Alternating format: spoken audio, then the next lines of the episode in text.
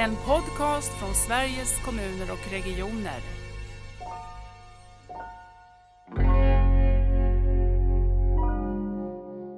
Det kommer att bli skav tror jag i många lägen för man har hittat lösningar som funkar där jag finns och de jag möter tycker om och då tror jag att, eh, att eh, det är bara att köra på. Alltså jag tror att det är bara att köra på.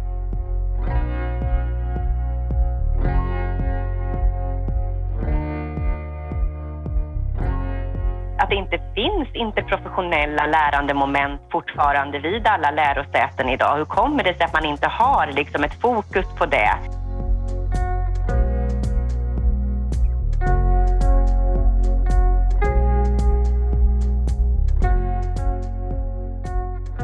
I det här avsnittet av Nära vårdpodden så får vi möta två välkända röster i vårddebatten. Jag är så glad att få välkomna Ida Collin och Sineva Ribeiro. Välkomna! Tack! Tack så mycket! Var finns ni idag? Någonstans i Sverige? Ja, ja jag sitter hemma i Bjälbo på Östgötaslätten i mitt eh, kontor. Och jag sitter hemma i Göteborg i Helgered, mitt i parken. Yes. Mm, härligt. Sineva, har du din mamma hemma också? Jag har min mamma hemma, ja. Hon kom från Portugal i december, i början på december och det är jag glad för eh, i och med att pandemin har spridit sig otroligt mycket i Portugal. Så vi är glada att hon är här och nu får hon inte åka tillbaka förrän hon är vaccinerad. Eh, yes, men inte hemma hos mig utan hon bor ju hos min syster. Ja, just det. Jag tyckte jag såg det på några sociala medier. Vet, för inte så länge sedan så träffade jag Sofia och Cecilia som båda är nya förbundsordförande i sina respektive förbund. Men eh, med er är det ju annorlunda för ni är ju de här erfarna förbundsordförande så ni får representera den skaran idag. Och jag tänkte Ida, kan inte du börja berätta? Även om vi känner dig väl från vårddebatten så är det roligt att få höra. Vem är du? Ja, vem är Ida Collin? Eh, jag är ju arbetsterapeut förstås då, och det är ju en väldigt stor del av mitt liv att vara det. Jag har varit arbetsterapeut i drygt 20 år. Eh, den största delen av det har jag ägnat åt eh, frågor som rör personer med intellektuell funktionsnedsättning. Jag har jobbat kliniskt inom kommunal hälso och sjukvård för personer som bor i mm. Eh, gruppbostad.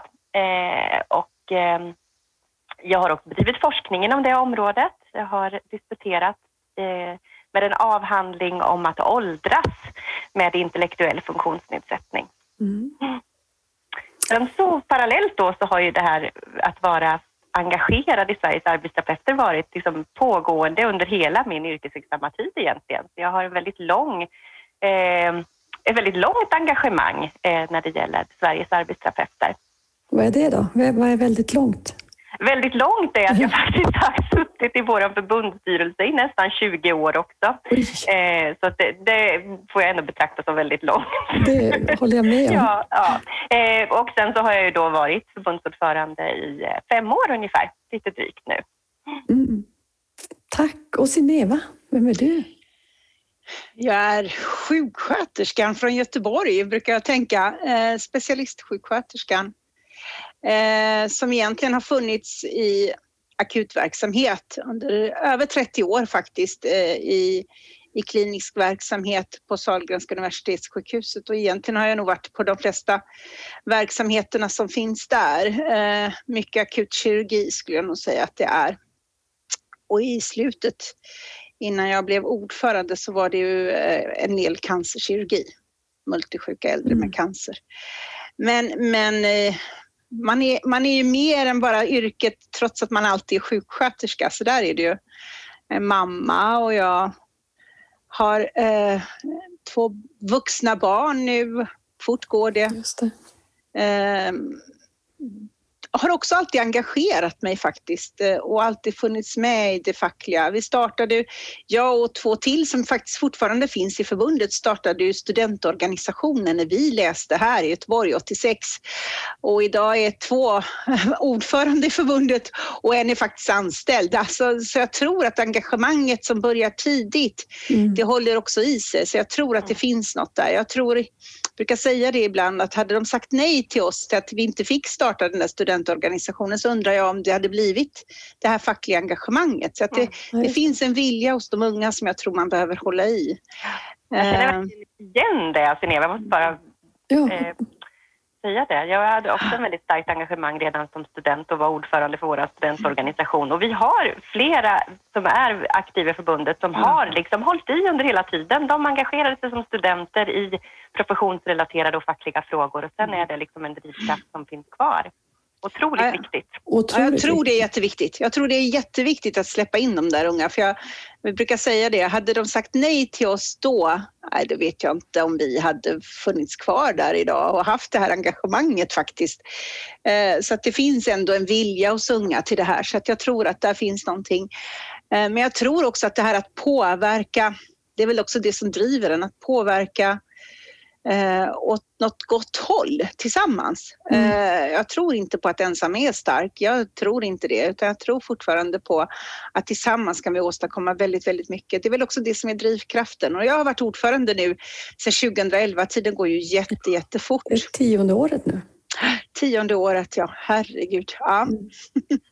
Men jag tänkte just, du är inne på lite vad som driver dig. Vad driver er båda? Eh, engagemanget och tillsammans säger du, Sineva. Mm. Vad tänker, vad tänker du Ida? Vad driver dig? Nej, men jag tänker på liksom det här att, att vara en del i att skapa förutsättning för förändring och förändring i liksom rätt riktning. Det känner jag är en otroligt viktig drivkraft. Eh, sen är ju alltså tillsammansperspektivet jättecentralt för mig också. Jag är eh, är ju anställd vid, vid Linköpings universitet där vi jobbar mycket med interprofessionellt lärande och för mig handlar det också i mitt engagemang som förbundsordförande om det här interprofessionella fackliga eh, engagemanget också, att vi gör saker tillsammans. Vi är alla pusselbitar liksom för att få den här apparaten att fungera allt bättre och allt mer effektivare ur ett pers- eh, liksom positivt perspektiv. Så. Ja, ska jag titta 10-15 år bakåt så tycker jag nog att den, de senaste 10-15 åren har ju verkligen professionerna jobbat mycket mer ihop, alltså de fackliga rörelserna på hälso och sjukvårdsområdessidan. Eh, jobbat starkt tillsammans och drivit på den interprofessionaliteten. Ja, och jag tror att det verkligen gör skillnad ute i verksamheterna också. Det har en stor viktig betydelse att vi gör det. Jag, vad säger du Sunniva? Sunniva det... Men jag tänker också att hela pandemin sätter ju det här verkligen på agendan, hur viktigt det är att vi klarar inte det här ensamma utan vi gör det här tillsammans. Jag tänker också att närheten till kollegor i världen har ju blivit något helt annat. Ehm, det är mycket lätt lättare att nås för vi har den digitala världen. Men det är också lättare att lära av varandra, vilket jag tror är viktigt. Eh, det fanns gränser, tror jag, innan pandemin som på något sätt suddas ut nu, vilket jag tror är viktigt för hälsan. Eh, och jag tänker att där har vi ju ett jätteansvar som professioner och inte minst i Sverige. Alltså vi är ett litet land, 10 miljoner sjukvårdsorganisation. Liksom, det, borde, det borde vara självklart för oss att använda det som vi ser här och nu till något positivt framöver tillsammans. Och jag tänker att där finns det en hel del att göra och där, där kan vi driva på. Det, det tror jag. Eh, vi har funnits liksom mitt i och jag tänker också att, att eh, det gäller att hålla i det här nu också för jag tänker att eh, pandemin kommer att ge restsymptom som inte alltid kommer att vara så positiva. Mm. Och därför tänker jag att där har vi ju ett jätteansvar i att, att nu, nu kavlar vi upp ärmarna och så gör vi det här tillsammans. För det är där jag tror styrkan finns, verkligen. Eh, Och om man tänker det här ordförandeskapet, att, att leda ett stort förbund, hur, hur har det förändrats för er? Eller det, era förbund, hur har det förändrats för er nu när ni har fått en helt annan vardag? Mm. Du, är inne på det- det, Sineva. Ja. Nej, men det förändrades ju verkligen egentligen från en dag till en annan någon gång där i början av mars förra året. Eh, Och sedan dess så har ju en, den absolut största delen av arbetet handlat om att, att använda digitala kanaler och, och eh, eh, digitala mötesformer, eh, digitala sätt att mötas och bedriva arbetet på. Så att det är klart det har skapat helt andra förutsättningar, men grunden är ju detsamma. Det är ju samma drivkrafter, det är ju samma uppgift man känner att man har i, i, eh, i rollen som ordförande. Mm. Men eh, det måste jag säga, visst har mina digitala, min digitala kompetens ökat betydligt under det här året. Man har sänkt sina trösklar när det gäller att, att använda digitaliseringens möjligheter. Men dock så saknar man ju de sociala aspekterna av det här mm. och det är ju inte minst, jag menar Sineva är ju en kär kollega för mig mm. som jag gärna träffar fysiskt och inte bara digitalt. Så det är klart att man saknar de sociala dimensionerna av de fysiska mötena. Mm. Vi pratade innan om, om alltså ändå tillgängligheten som det digitala ger och du berättade att ni ska ju ha er stora arbetsterapiforum alldeles om någon vecka. Ja, ja precis. Och där, ja, men precis. Och där, det är ju ett, ett, en stor nationell eh, konferens eh, med forskning och utveckling inom arbetsterapi som vi genomför vartannat år. Och nu har vi bestämt att den ska vara helt digital såklart eh, under det här, den här, eh, det här året, 2021.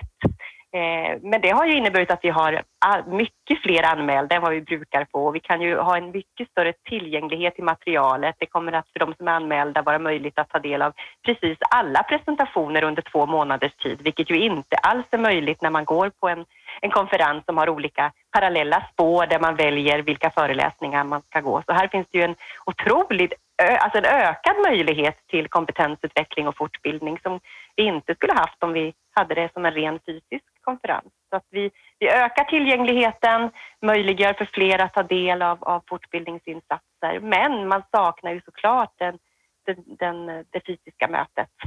Mm.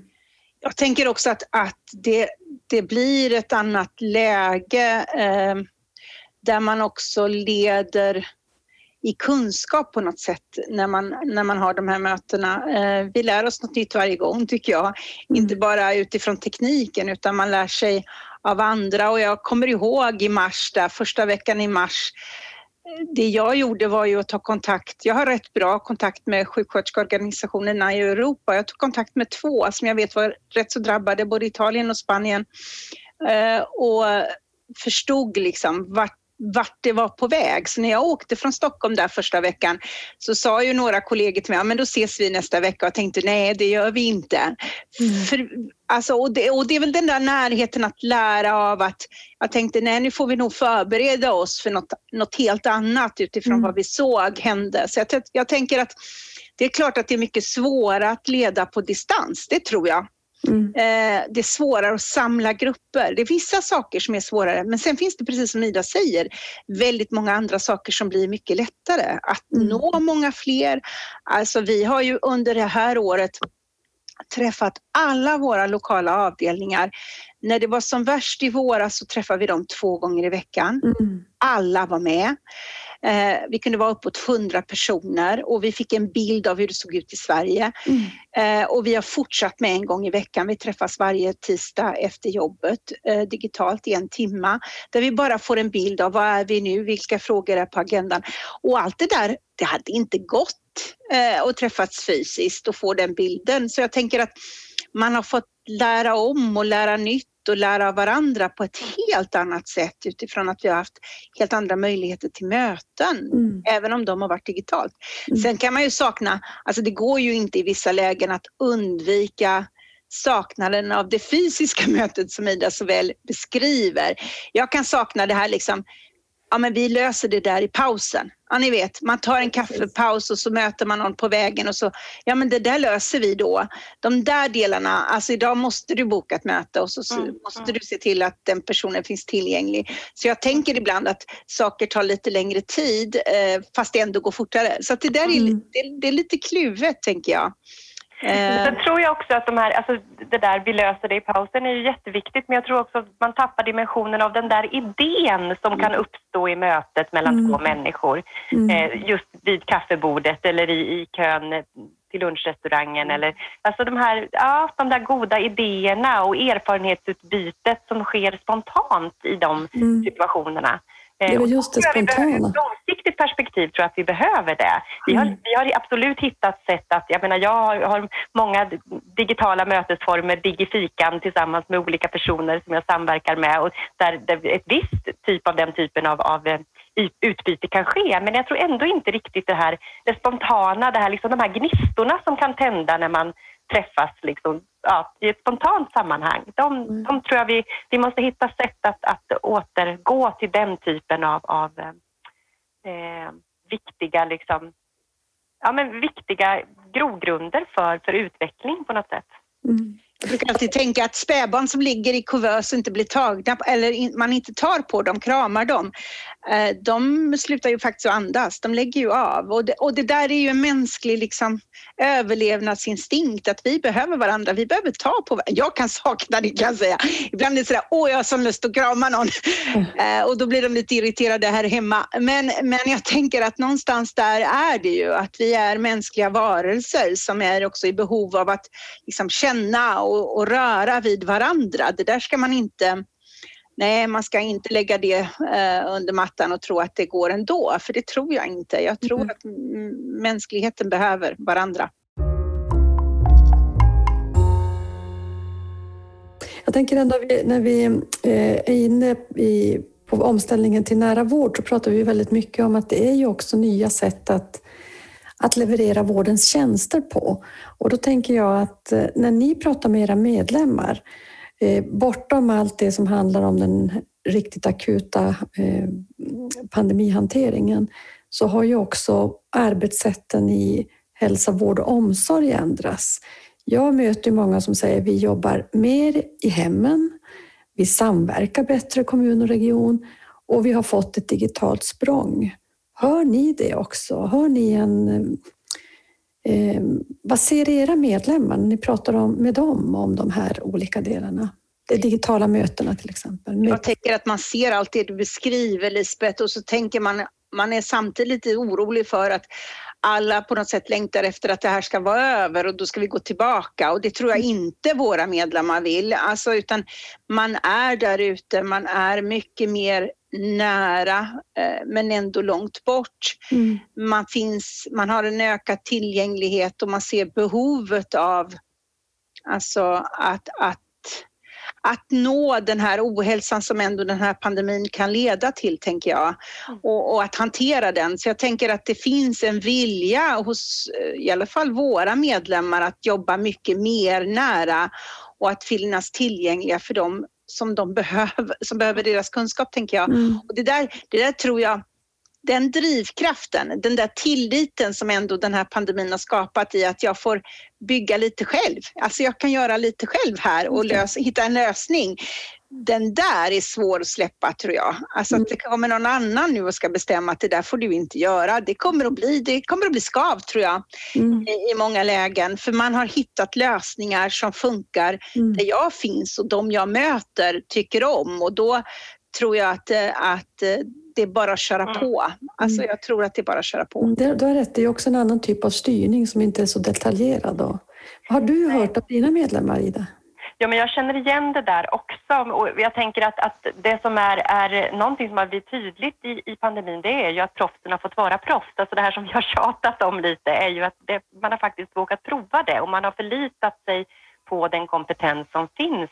Och det har gått väldigt, väldigt bra i, i många avseenden. Så att, absolut, jag håller med i mycket av det som Sineva säger. Sen är det ju så att, att eh, jag och mitt förbund brinner ju väldigt mycket för den kommunala hälso och sjukvården mm. och det är ju så att, att hälso och sjuk, Alltså det har ju verkligen satt fingret på den här pandemin, de utmaningar som, som vi tillsammans med väldigt många andra professionsförbund har försökt att lyfta i så många år. Mm. Det, det, det, finns en, det finns skillnader som är osakliga mellan den kommunala hälso och sjukvården och den regionsdrivna hälso och sjukvården. Mm. Och där har ju jag, alltså jag ser ju att med anledning av att vi har kunnat sätta fingret på det nu, eller att det har kommit upp till ytan på ett mycket mer medvetet sätt, både politiskt och i samhällsdebatten generellt, så blir ju på något sätt övergången eh, till en god och nära vård än mer betydelsefull och viktig. För det ser jag som en, en, en av de viktigaste delarna här, att det, det ska inte vara någon skillnad mellan en regionsdriven och en kommunal hälso och sjukvård när det gäller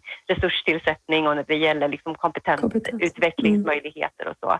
Mm. Eh, vi, har, vi genomför ju med jämna mellanrum en sån här eh, fortbildningsenkät bland våra medlemmar och, och vår senaste enkät som bygger på eh, fortbildningsåret 2019 vill jag bara säga, så det är ju innan mm. pandemin så. Det visar ju att det fortsätter ju att vara, det fortsätter liksom klyftan att öka mellan arbetsterapeuter som är regionsanställda och kommunalt anställda när det gäller deras förutsättningar för fortbildning, när det gäller deras nöjdhet med sin professionella utveckling, när det gäller eh, hur mycket tid de har avsatt till, till fortbildningsinsatser och, och eh, generellt liksom lärande i vardagen. Mm. Eh, och, och, det kan ju liksom inte fortgå på det sättet. Och det är ju bara ett mm. exempel. Så vi, vi behöver liksom Ja, jag tänker att en viktig del när det gäller det här med övergången mot en nära vård, det är ju det här med att faktiskt få till någon form av kulturförändring när det gäller hur vi ser på, på hälso och sjukvård beroende på vilken huvudman det är som, som mm. vi har. Jag tänk, jag, tänker så här, nej men jag tänker så här Lisbeth, att, att eh, tyvärr så blir det så här, vad var det vi sa? Det var liksom dags. Och jag tänker att just det Ida nämner, att vi har ändå tillsammans under ganska lång tid försökt att lyfta den kommunala hälso och sjukvården och framförallt bristen på legitimerade professioner där. Alltså det har ju varit lätt att dra ner, så är det ju. Mm. Ska vi dra ner på budget i en kommun, ja vad är det vi kan dra ner på? Och då tror jag det har varit lätt. Samtidigt så ser vi följderna av det. Det jag är mest orolig för det är att det blir en massa utredningar nu istället. Utan jag tänker att vi har en ganska tydlig lagstiftning, vi har möjligheter att faktiskt sätta igång och göra förändringar utvecklingen eh, som, som krävs för att det ska bli en god och nära vård. Vi behöver inte vänta på några fler utredningar utan de finns på plats. Och jag tänker att de vi finns till för där ute, både multisjuka äldre men också de här överlevarna som har ett stort behov av, av nära vård just nu, där de inte kan vara ute i samhället som alla andra, tänker jag.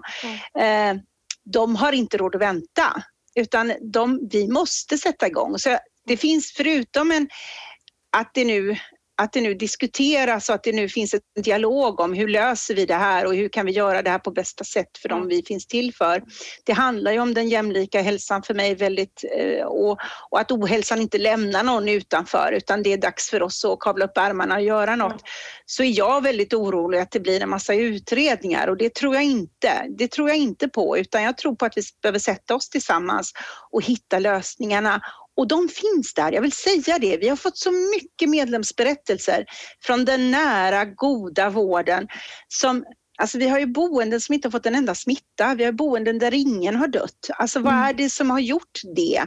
Och hur kan vi leva med det? Och hur kan vi liksom efterleva det goda i den här pandemin, i den nära vården? Och sätt igång och gör, säger jag, för jag tror inte att vi ska vänta. Mm. Så där tror jag, där tror jag att, att eh, viljan finns hos väldigt många utav våra.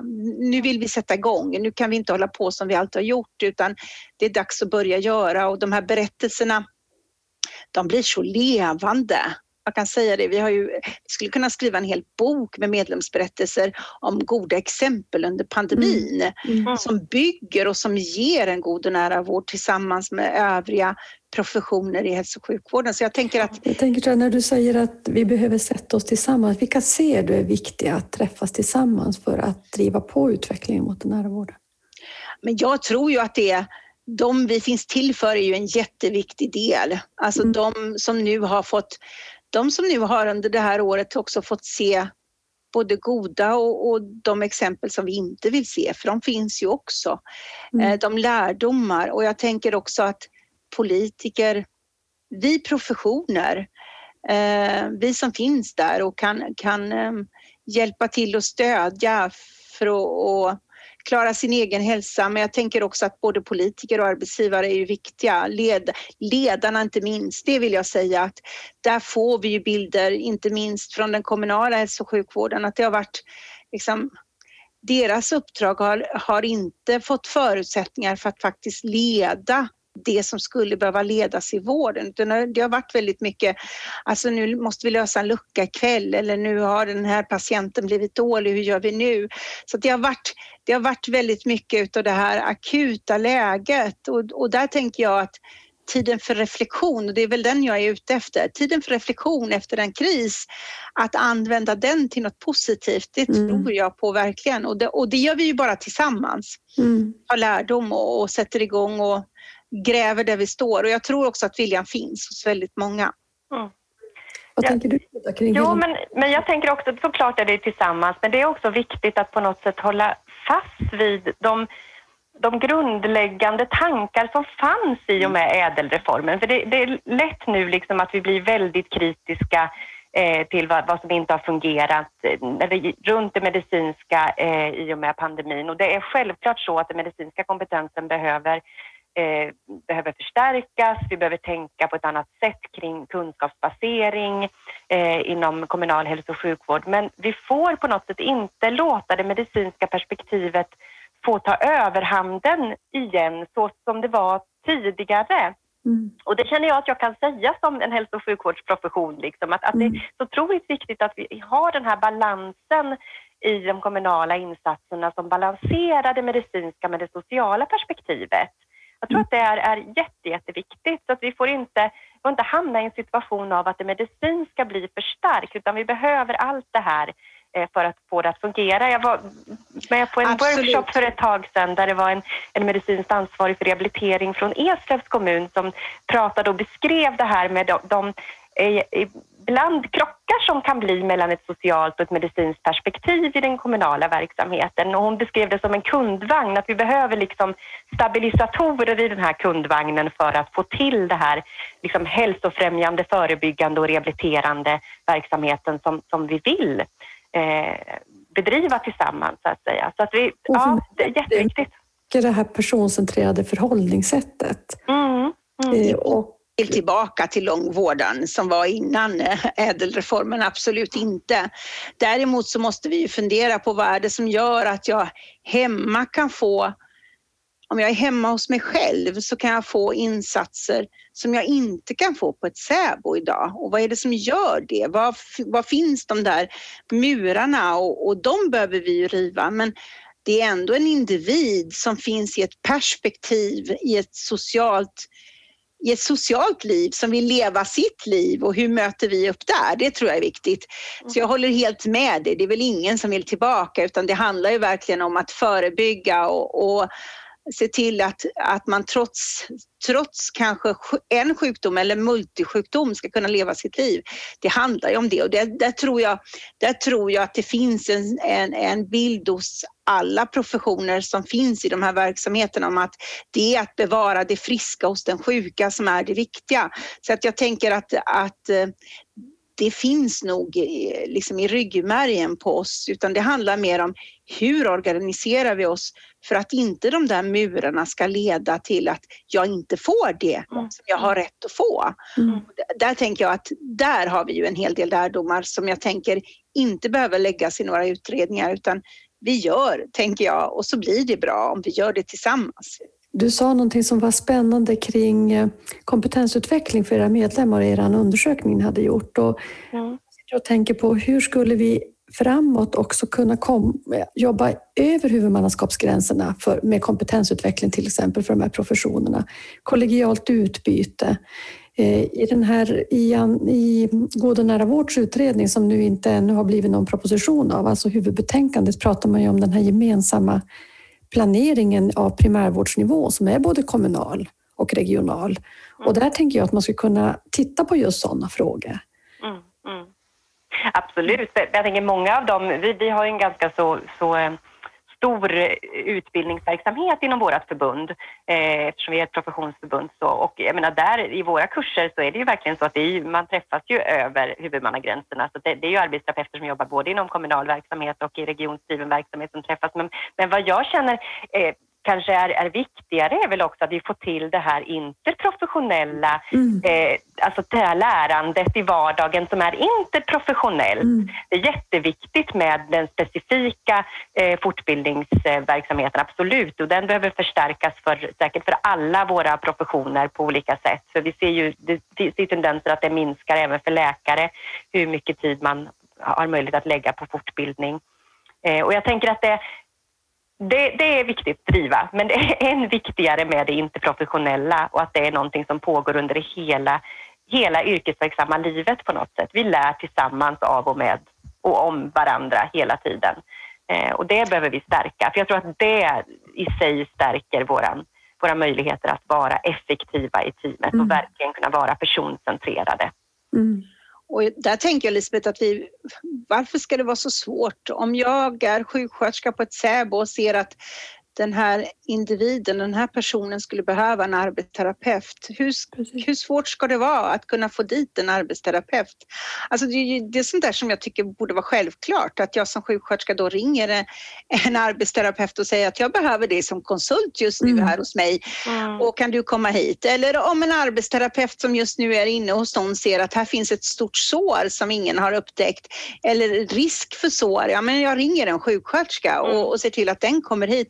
Alltså de där, de där gränserna behöver vi sudda ut, absolut. Och jag mm. tror precis som Ida säger att det handlar om att inte professionellt lärande från första början och där det finns en stor vilja hos den, de nya i de här kårerna, i de här professionerna om att, att jobba tillsammans, om att utvecklas tillsammans, mm. om att driva utveckling i hälso och sjukvården tillsammans, både förebyggande och under tid. Så jag tänker att här finns det ju en outnyttjad resurs mm. som är väldigt stark. Om mm. vi bara låter den, om vi bara låter den liksom leva lite så kommer den att leva ganska mycket och ställa ganska höga krav på oss andra som inte är vana vid det. Så jag tänker att det är väl det enda sättet, för det vore väl förödande när de kommer ut och känner att nu vill jag kunna ringa Ida jag behöver en mm. arbetsterapeut. Nej, du måste gå via den här och den här och du måste skriva den där remissen och den måste hit och dit och den måste godkännas. Ja, ni vet allt det här som, som sker. Det där dödar ju engagemang. Så jag tänker att, att eh, låt dem få driva lite mm. den här vägen, för det är åt det hållet vi ändå vill, tänker jag. Det är det som kommer att gynna individen, personen som är i behov av hjälp. Och, och um, då kanske vi också slipper en hel del av de här väntetiderna som är förödande, tror jag. Finns det något mm. Eh, um, alltså organiserat samarbete nu mellan studentorganisationerna? Jag vet Sinéva att du har varit mycket för att lyfta fram just det du säger nu, de, de unga, de som just ska gå in i yrkena. Finns det något sånt? För det skulle ju kunna vara en roll också, tänker jag, för era organisationer att eh, vara den här interprofessionella på något sätt, plattformen. Jag tror att det har varit svårt under pandemin. Mm. Det har varit svårt för studenter överhuvudtaget. Ja, det är klart. I alla fall våran att få sin VFU, att kunna komma ut, att träffa andra.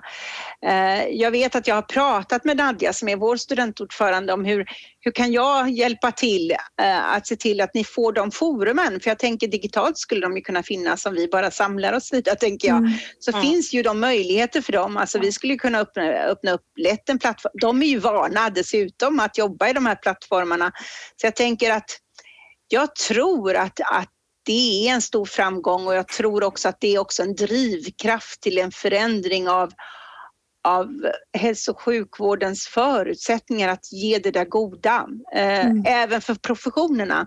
Alltså vad är, det, vad är det som är magneter? Vad är det som gör att man lockar till sig mm. unga och nya i yrket? Och, och det här tror jag är en, en, stor lockelse, att man vill ha nära till de övriga i teamet som vi vet att vi behöver och att vi har olika kunskaper. Och det ska inte behöva gå via en massa remisser och betalningar hit och dit, utan hur kan vi nära lösa det för den här personen. Mm. Den viljan finns. Men, men jag tänker att det är ju fortfarande en, en viss form av kulturförändring som behöver till där. För hur kommer det sig att, att det inte finns interprofessionella lärandemoment fortfarande vid alla lärosäten idag? Hur kommer det sig att man inte har liksom ett fokus på det utan att det är vissa lärosäten där, där det är mer centralt än andra?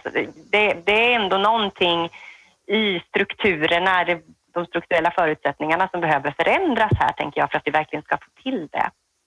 Och jag eh. tänker också samarbetet med just lärosätena, eh, de är också en otroligt viktig del i den här omställningen. Mm, absolut, visst är de det.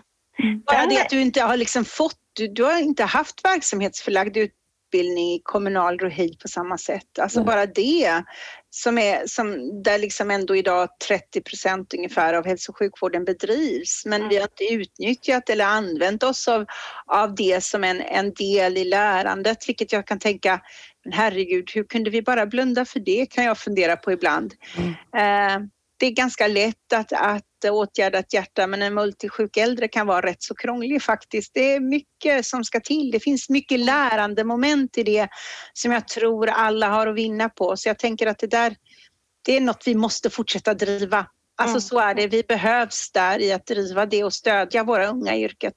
Mm.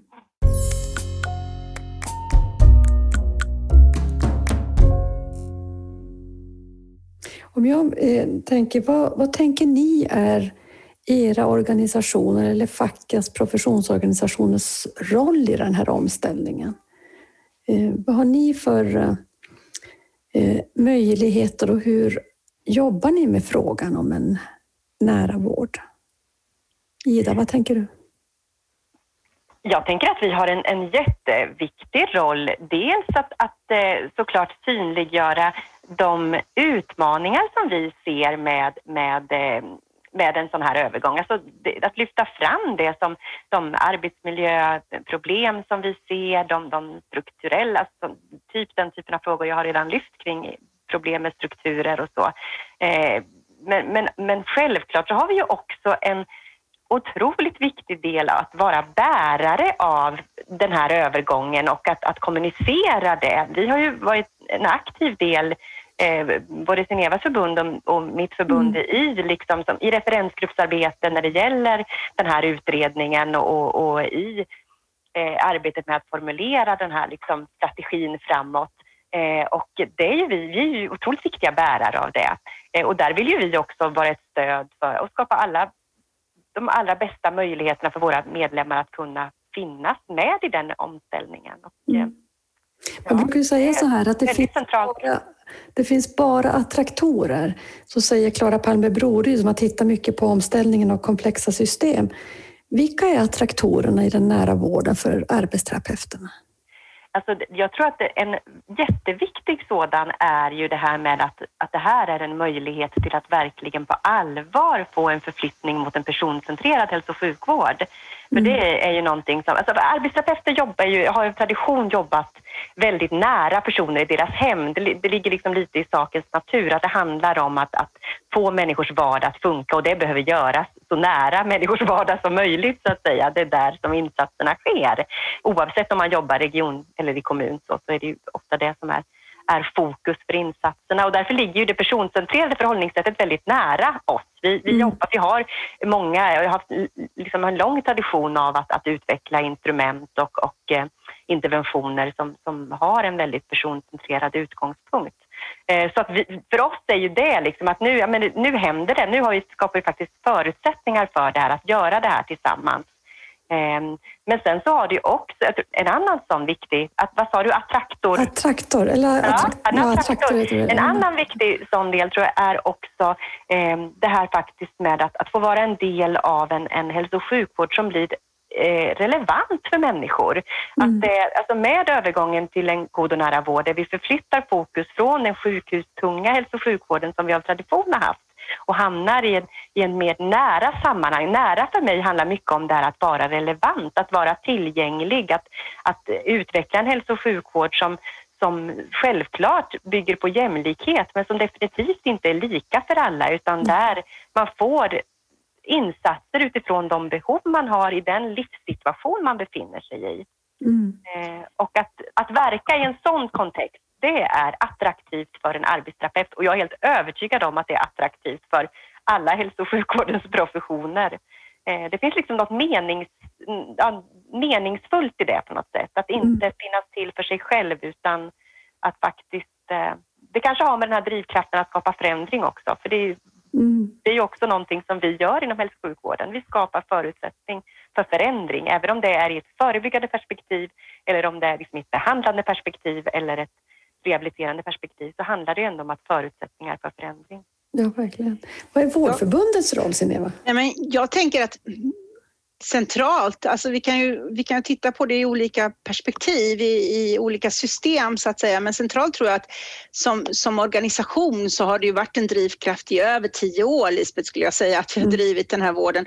Och det handlar om mötet med personen.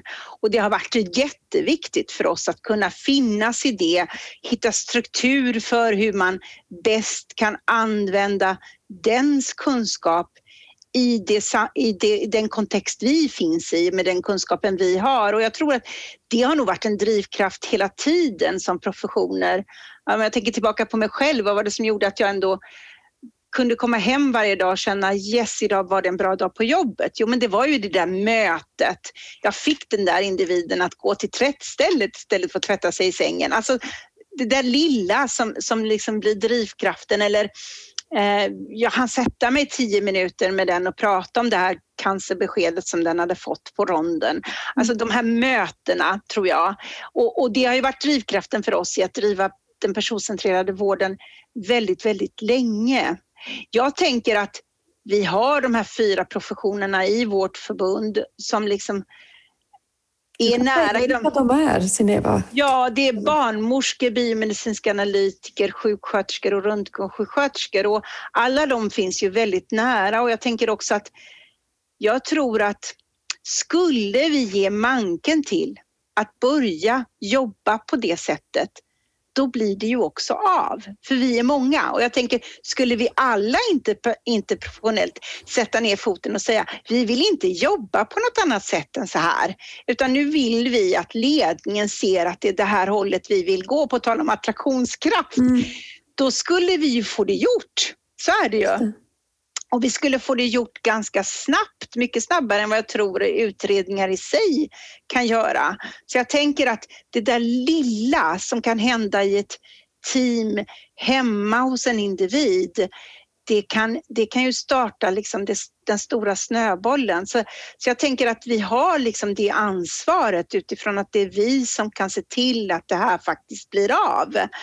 Eh, med vår kunskap i det nära mötet med den personen vi möter och den kunskapen den har. Så jag tänker att, eh, att vi det är liksom ett tvång. Det är ett måste. Det är ett måste för professionen att se att det är åt det här hållet vi behöver driva. Så det har liksom varit den drivkraften som på något sätt har drivit mig. Eh, och jag har ändå funnits i, i liksom akutsjukvården. Jag har också jobbat i lång, långvården då, det vill vi ju inte dit. Men jag tänker att, att äh, även i den här akutsjukvården så behöver man ju se individerna, eh, mm. personen, människan. Mm. Och jag brukar tänka som har haft min dotter eh, sen födseln inom alla olika verksamheter så måste jag ändå säga att om jag ska liksom jämföra så måste jag ändå säga att barnsjukvården och barnhälsovården har ju haft det perspektivet. Det är en familj i kris, det är en familj som behöver stöd, inte bara det här barnet. Man mm. har sett det här barnet, man har liksom inför att ge henne en spruta så sitter man med henne en halvtimme och försöker spruta något till en doktor. Alltså man har ändå försökt att driva det här personcentrerade tycker jag. Man har nog inte haft något ord för det riktigt utan man ser att ska vi få det här barnet att göra det som är bäst för den och för oss som professioner mm. så behöver vi se barnet. Eh, jag kan säga när hon kom upp i 18 års ålder och skulle flytta över till vuxenvården så var jag livrädd. Jag tänkte nu försvinner allt det här och det gör det. Det mm. gör det, fast det inte borde det. Och jag tänker att där finns det något vi kan jobba med. Eh, förutom i den här goda nära vården, tänker jag, så finns det mycket utav personcentrering som bara försvinner så fort du hamnar på ett sjukhus. Mm. Och, och, eh, det kan oroa mig. Där behöver mm. våra professioner hålla förhållningssättet att det här är fortfarande en person. Mm det här är en person som lever med sin sjukdom och många av dem kommer att leva hela livet. Så jag tänker att vi kan vara de som faktiskt ser till att det här blir gjort. Lite så är min tanke. Och jag delar verkligen båda era bilder. Jag tycker när man får prata om just de här frågorna, det som är det grundläggande i mötet, att göra skillnaden, att, att möta personer snarare än patienter som lätt blir objekt i våra system, då, då engageras det. Det är attraktivt. Eh, så det tycker jag ger mig också hopp att eh, det finns stor kraft i den här omställningen. Jag tänkte fråga er, har ni någonting som ni skulle vilja ge som råd till mig i min roll? Från era perspektiv. Vad tycker ni är viktigt? Min, mitt uppdrag är ju, eller mitt, vårt uppdrag på, på SKR är ju att stödja regioner och kommuner eh, i den här omställningen. Finns det någonting ni tänker att ni ska kunna rådge? Ja, och jag, då vill jag nog egentligen återkomma till det här med, med de faktiskt strukturella skillnader som finns på hur man ser på kunskapsbasering inom kommunal respektive regional hälso och sjukvård. Att vi behöver få en, en samsyn kring hur en kunskapsbaserad hälso och sjukvård behöver se ut i Sverige idag. Och det får inte vara de här skillnaderna mellan verksamheterna som det är. Eh, det tror jag är en jätteviktig del. Sen så någonting som, som mina medlemmar hela tiden återkommer till det är ju samverkan. Så där, och tänker, det, är ju, det är ju liksom kärnan på något sätt i Sveriges kommuner och mm. regioners uppdrag också att, att, eh, att jobba med de frågorna tänker jag. Så att mm. samverkan är otroligt viktigt och då inte det, det, är såklart mellan regioner och, och, men också naturligtvis mellan regioner och kommuner. Mm. Jag tänker också samverkan och jag tänker också använd oss. Mm. Det där skulle jag vilja att man sa även till regioner och kommuner där ute. Använd oss. Vi har jobbat med den här frågan i över tio år. Vi, vi kan ganska mycket och jag kan säga att våra lokala ordförande kan jättemycket. Våra lokala organisationer, mm. våra förtroendevalda har fått mm. jättemycket utbildningar. Vi har jobbat med frågan länge. Använd oss mm. i, de här, i den här förändringen som faktiskt behöver ske, den här utvecklingen som behöver ske. Eh, och jag kan säga jag brukar tänka det att i en kris då behöver man samverkan ännu mer. Alltså mm. för det är så lätt att jobba akut, akut här och man gräver och man gräver. Alltså i en kris det är då det där, den där samverkan eh, verkligen behöver ske och behöver se till att tänka lite mer övergripande än det här lilla, lilla momentet som vi just nu behöver lösa. Mm. För att det är så lätt att fastna i det där lilla momentet som vi inte kan lösa, utan, men vi kan göra annat som kanske i sig leder till att det där löser sig. Mm. Så jag tänker att det skulle jag vilja säga till dig Lisbeth, att eh, se till att ha, ha, med oss. Vi vill det här. Vi kan driva den här förändringen tillsammans, professionerna som finns i de här, i de här eh, verksamheterna och framför allt om ni ger oss reflektionstiden tillsammans med er mm. så skulle vi kunna nå jättelångt. Och, mm kunskapen finns där, jag vill säga det, kunskapen, viljan finns där. Så det handlar ju verkligen om att, att eh, våga sätta sig ner och ta, ta den där dialogen om hur gör vi här och nu för att det här ska mm. bli bra för den här personen. Så jag tänker att det där går att lösa. Men tyvärr så, så kan jag ju uppleva att, att eh, också nu när den här debatten blir så, så politiskt så blir det inte de långsiktiga lösningar vi hela tiden lyfter upp och, och, vi ger oss inte alltid tiden att reflektera över, är vi på rätt spår nu eller behöver vi tänka om? Eh, och vad vinner vi i längden? Och, och vi ska ju inte bygga, jag brukar tänka vi ska ju inte bygga en kommunal hälso och sjukvård eller en god och nära vård för fem år framöver utan vi ska bygga den för 10, 20, 30 år framöver. Och en vård som inte stagnerar utan den måste ju kunna utvecklas under de här 30 åren och vi, mm. vi måste kunna utvecklas. Så jag tänker att ja, använd oss. Vi vill, vi vill detta och, och, vi kan en hel del om det dessutom. Mm. Eh, och vi hittar vägar. Om ni bara låter oss göra det så hittar mm. vi vägar Eh, arbetsterapeuterna, Vårdförbundet, Läkarförbundet, Kommunal. Alltså vi kan hitta vägar för vi har ett samarbete. Så jag tänker att det där, det där går att göra om ni bara tillåter det. Så det är liksom en uppmaning till kommuner och regioner. Använd oss, verkligen. Mm. Tack för eh, tips och råd. Eh, jag tänkte att vi ska börja avrunda och då vill jag avrunda med den fråga jag brukar ställa till de som är med i Nära vårdpodden att vad är nära för dig, Sineva? Ja, men nära för mig är, är att jag ser människan och människans behov är det som styr som styr de åtgärder jag gör eller det jag gör och hur jag agerar i min profession, tänker jag. Så för mig som sjuksköterska så är det nära att lyckas lyckas med det där lilla för att få den här individen att leva sitt liv.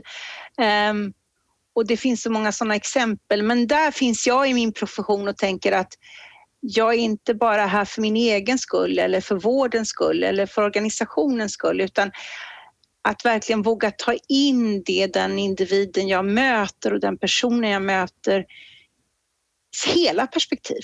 Mm. Det är nära för mig. Mm. Att jag inte bara tänker här och nu i det här läget utan i det långa sikt det långa läget, vad, ska, vad är behovet hos den här individen och vad är det egentligen den säger till mig? Att, att det blir ju liksom den professionella kunskapen som får lyssna in det.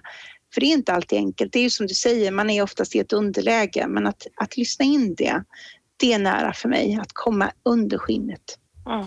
Tack. Vad nära för dig, Ida?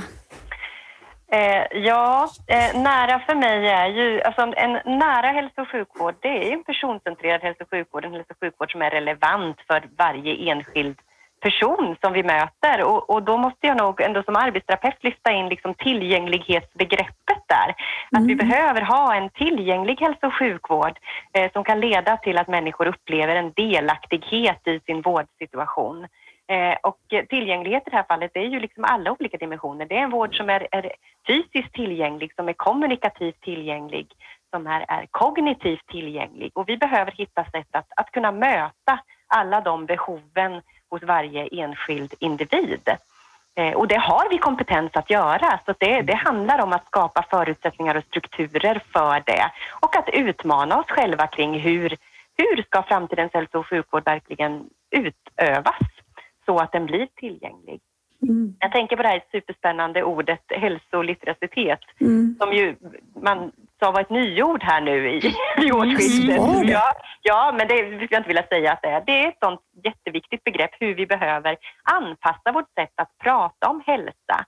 Eh, och jag tänker också att nära för mig handlar om liksom det här förebyggande perspektivet, att vi behöver se till att den kompetens vi idag, den kunskap och den kompetens idag vi har inom hälso och sjukvård, den ska vi i mycket, mycket högre utsträckning använda för att förebygga ohälsa.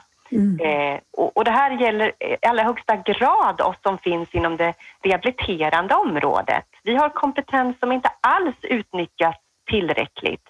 Den, de, det vi skulle kunna göra förebyggande skulle kunna minska trycket i många avseenden vad gäller hälso och sjukvårdens områden. Så att, eh, ja, nära. Jag gillar, ju, ja, jag gillar ju perspektivet hälsan lämnar ingen utanför och jag tänker att um, det där perspektivet, har man den så kommer man ganska långt i det där person, person, personcentrerade förhållningssättet. För jag tänker att det är ju en risk i de strukturer vi har att det är de som finns i strukturerna som får hälsan.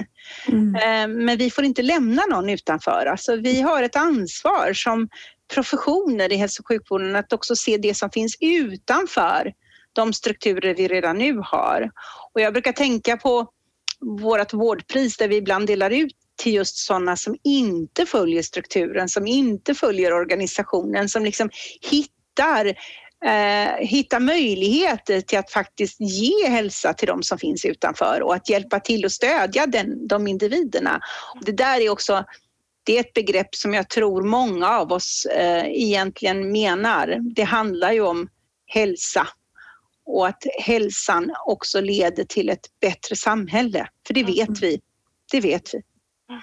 Nära och hälsa och bättre samhälle, det får avsluta Tack så himla mycket för att ni vill vara med i Nära vårdpodden. Tack. Tack.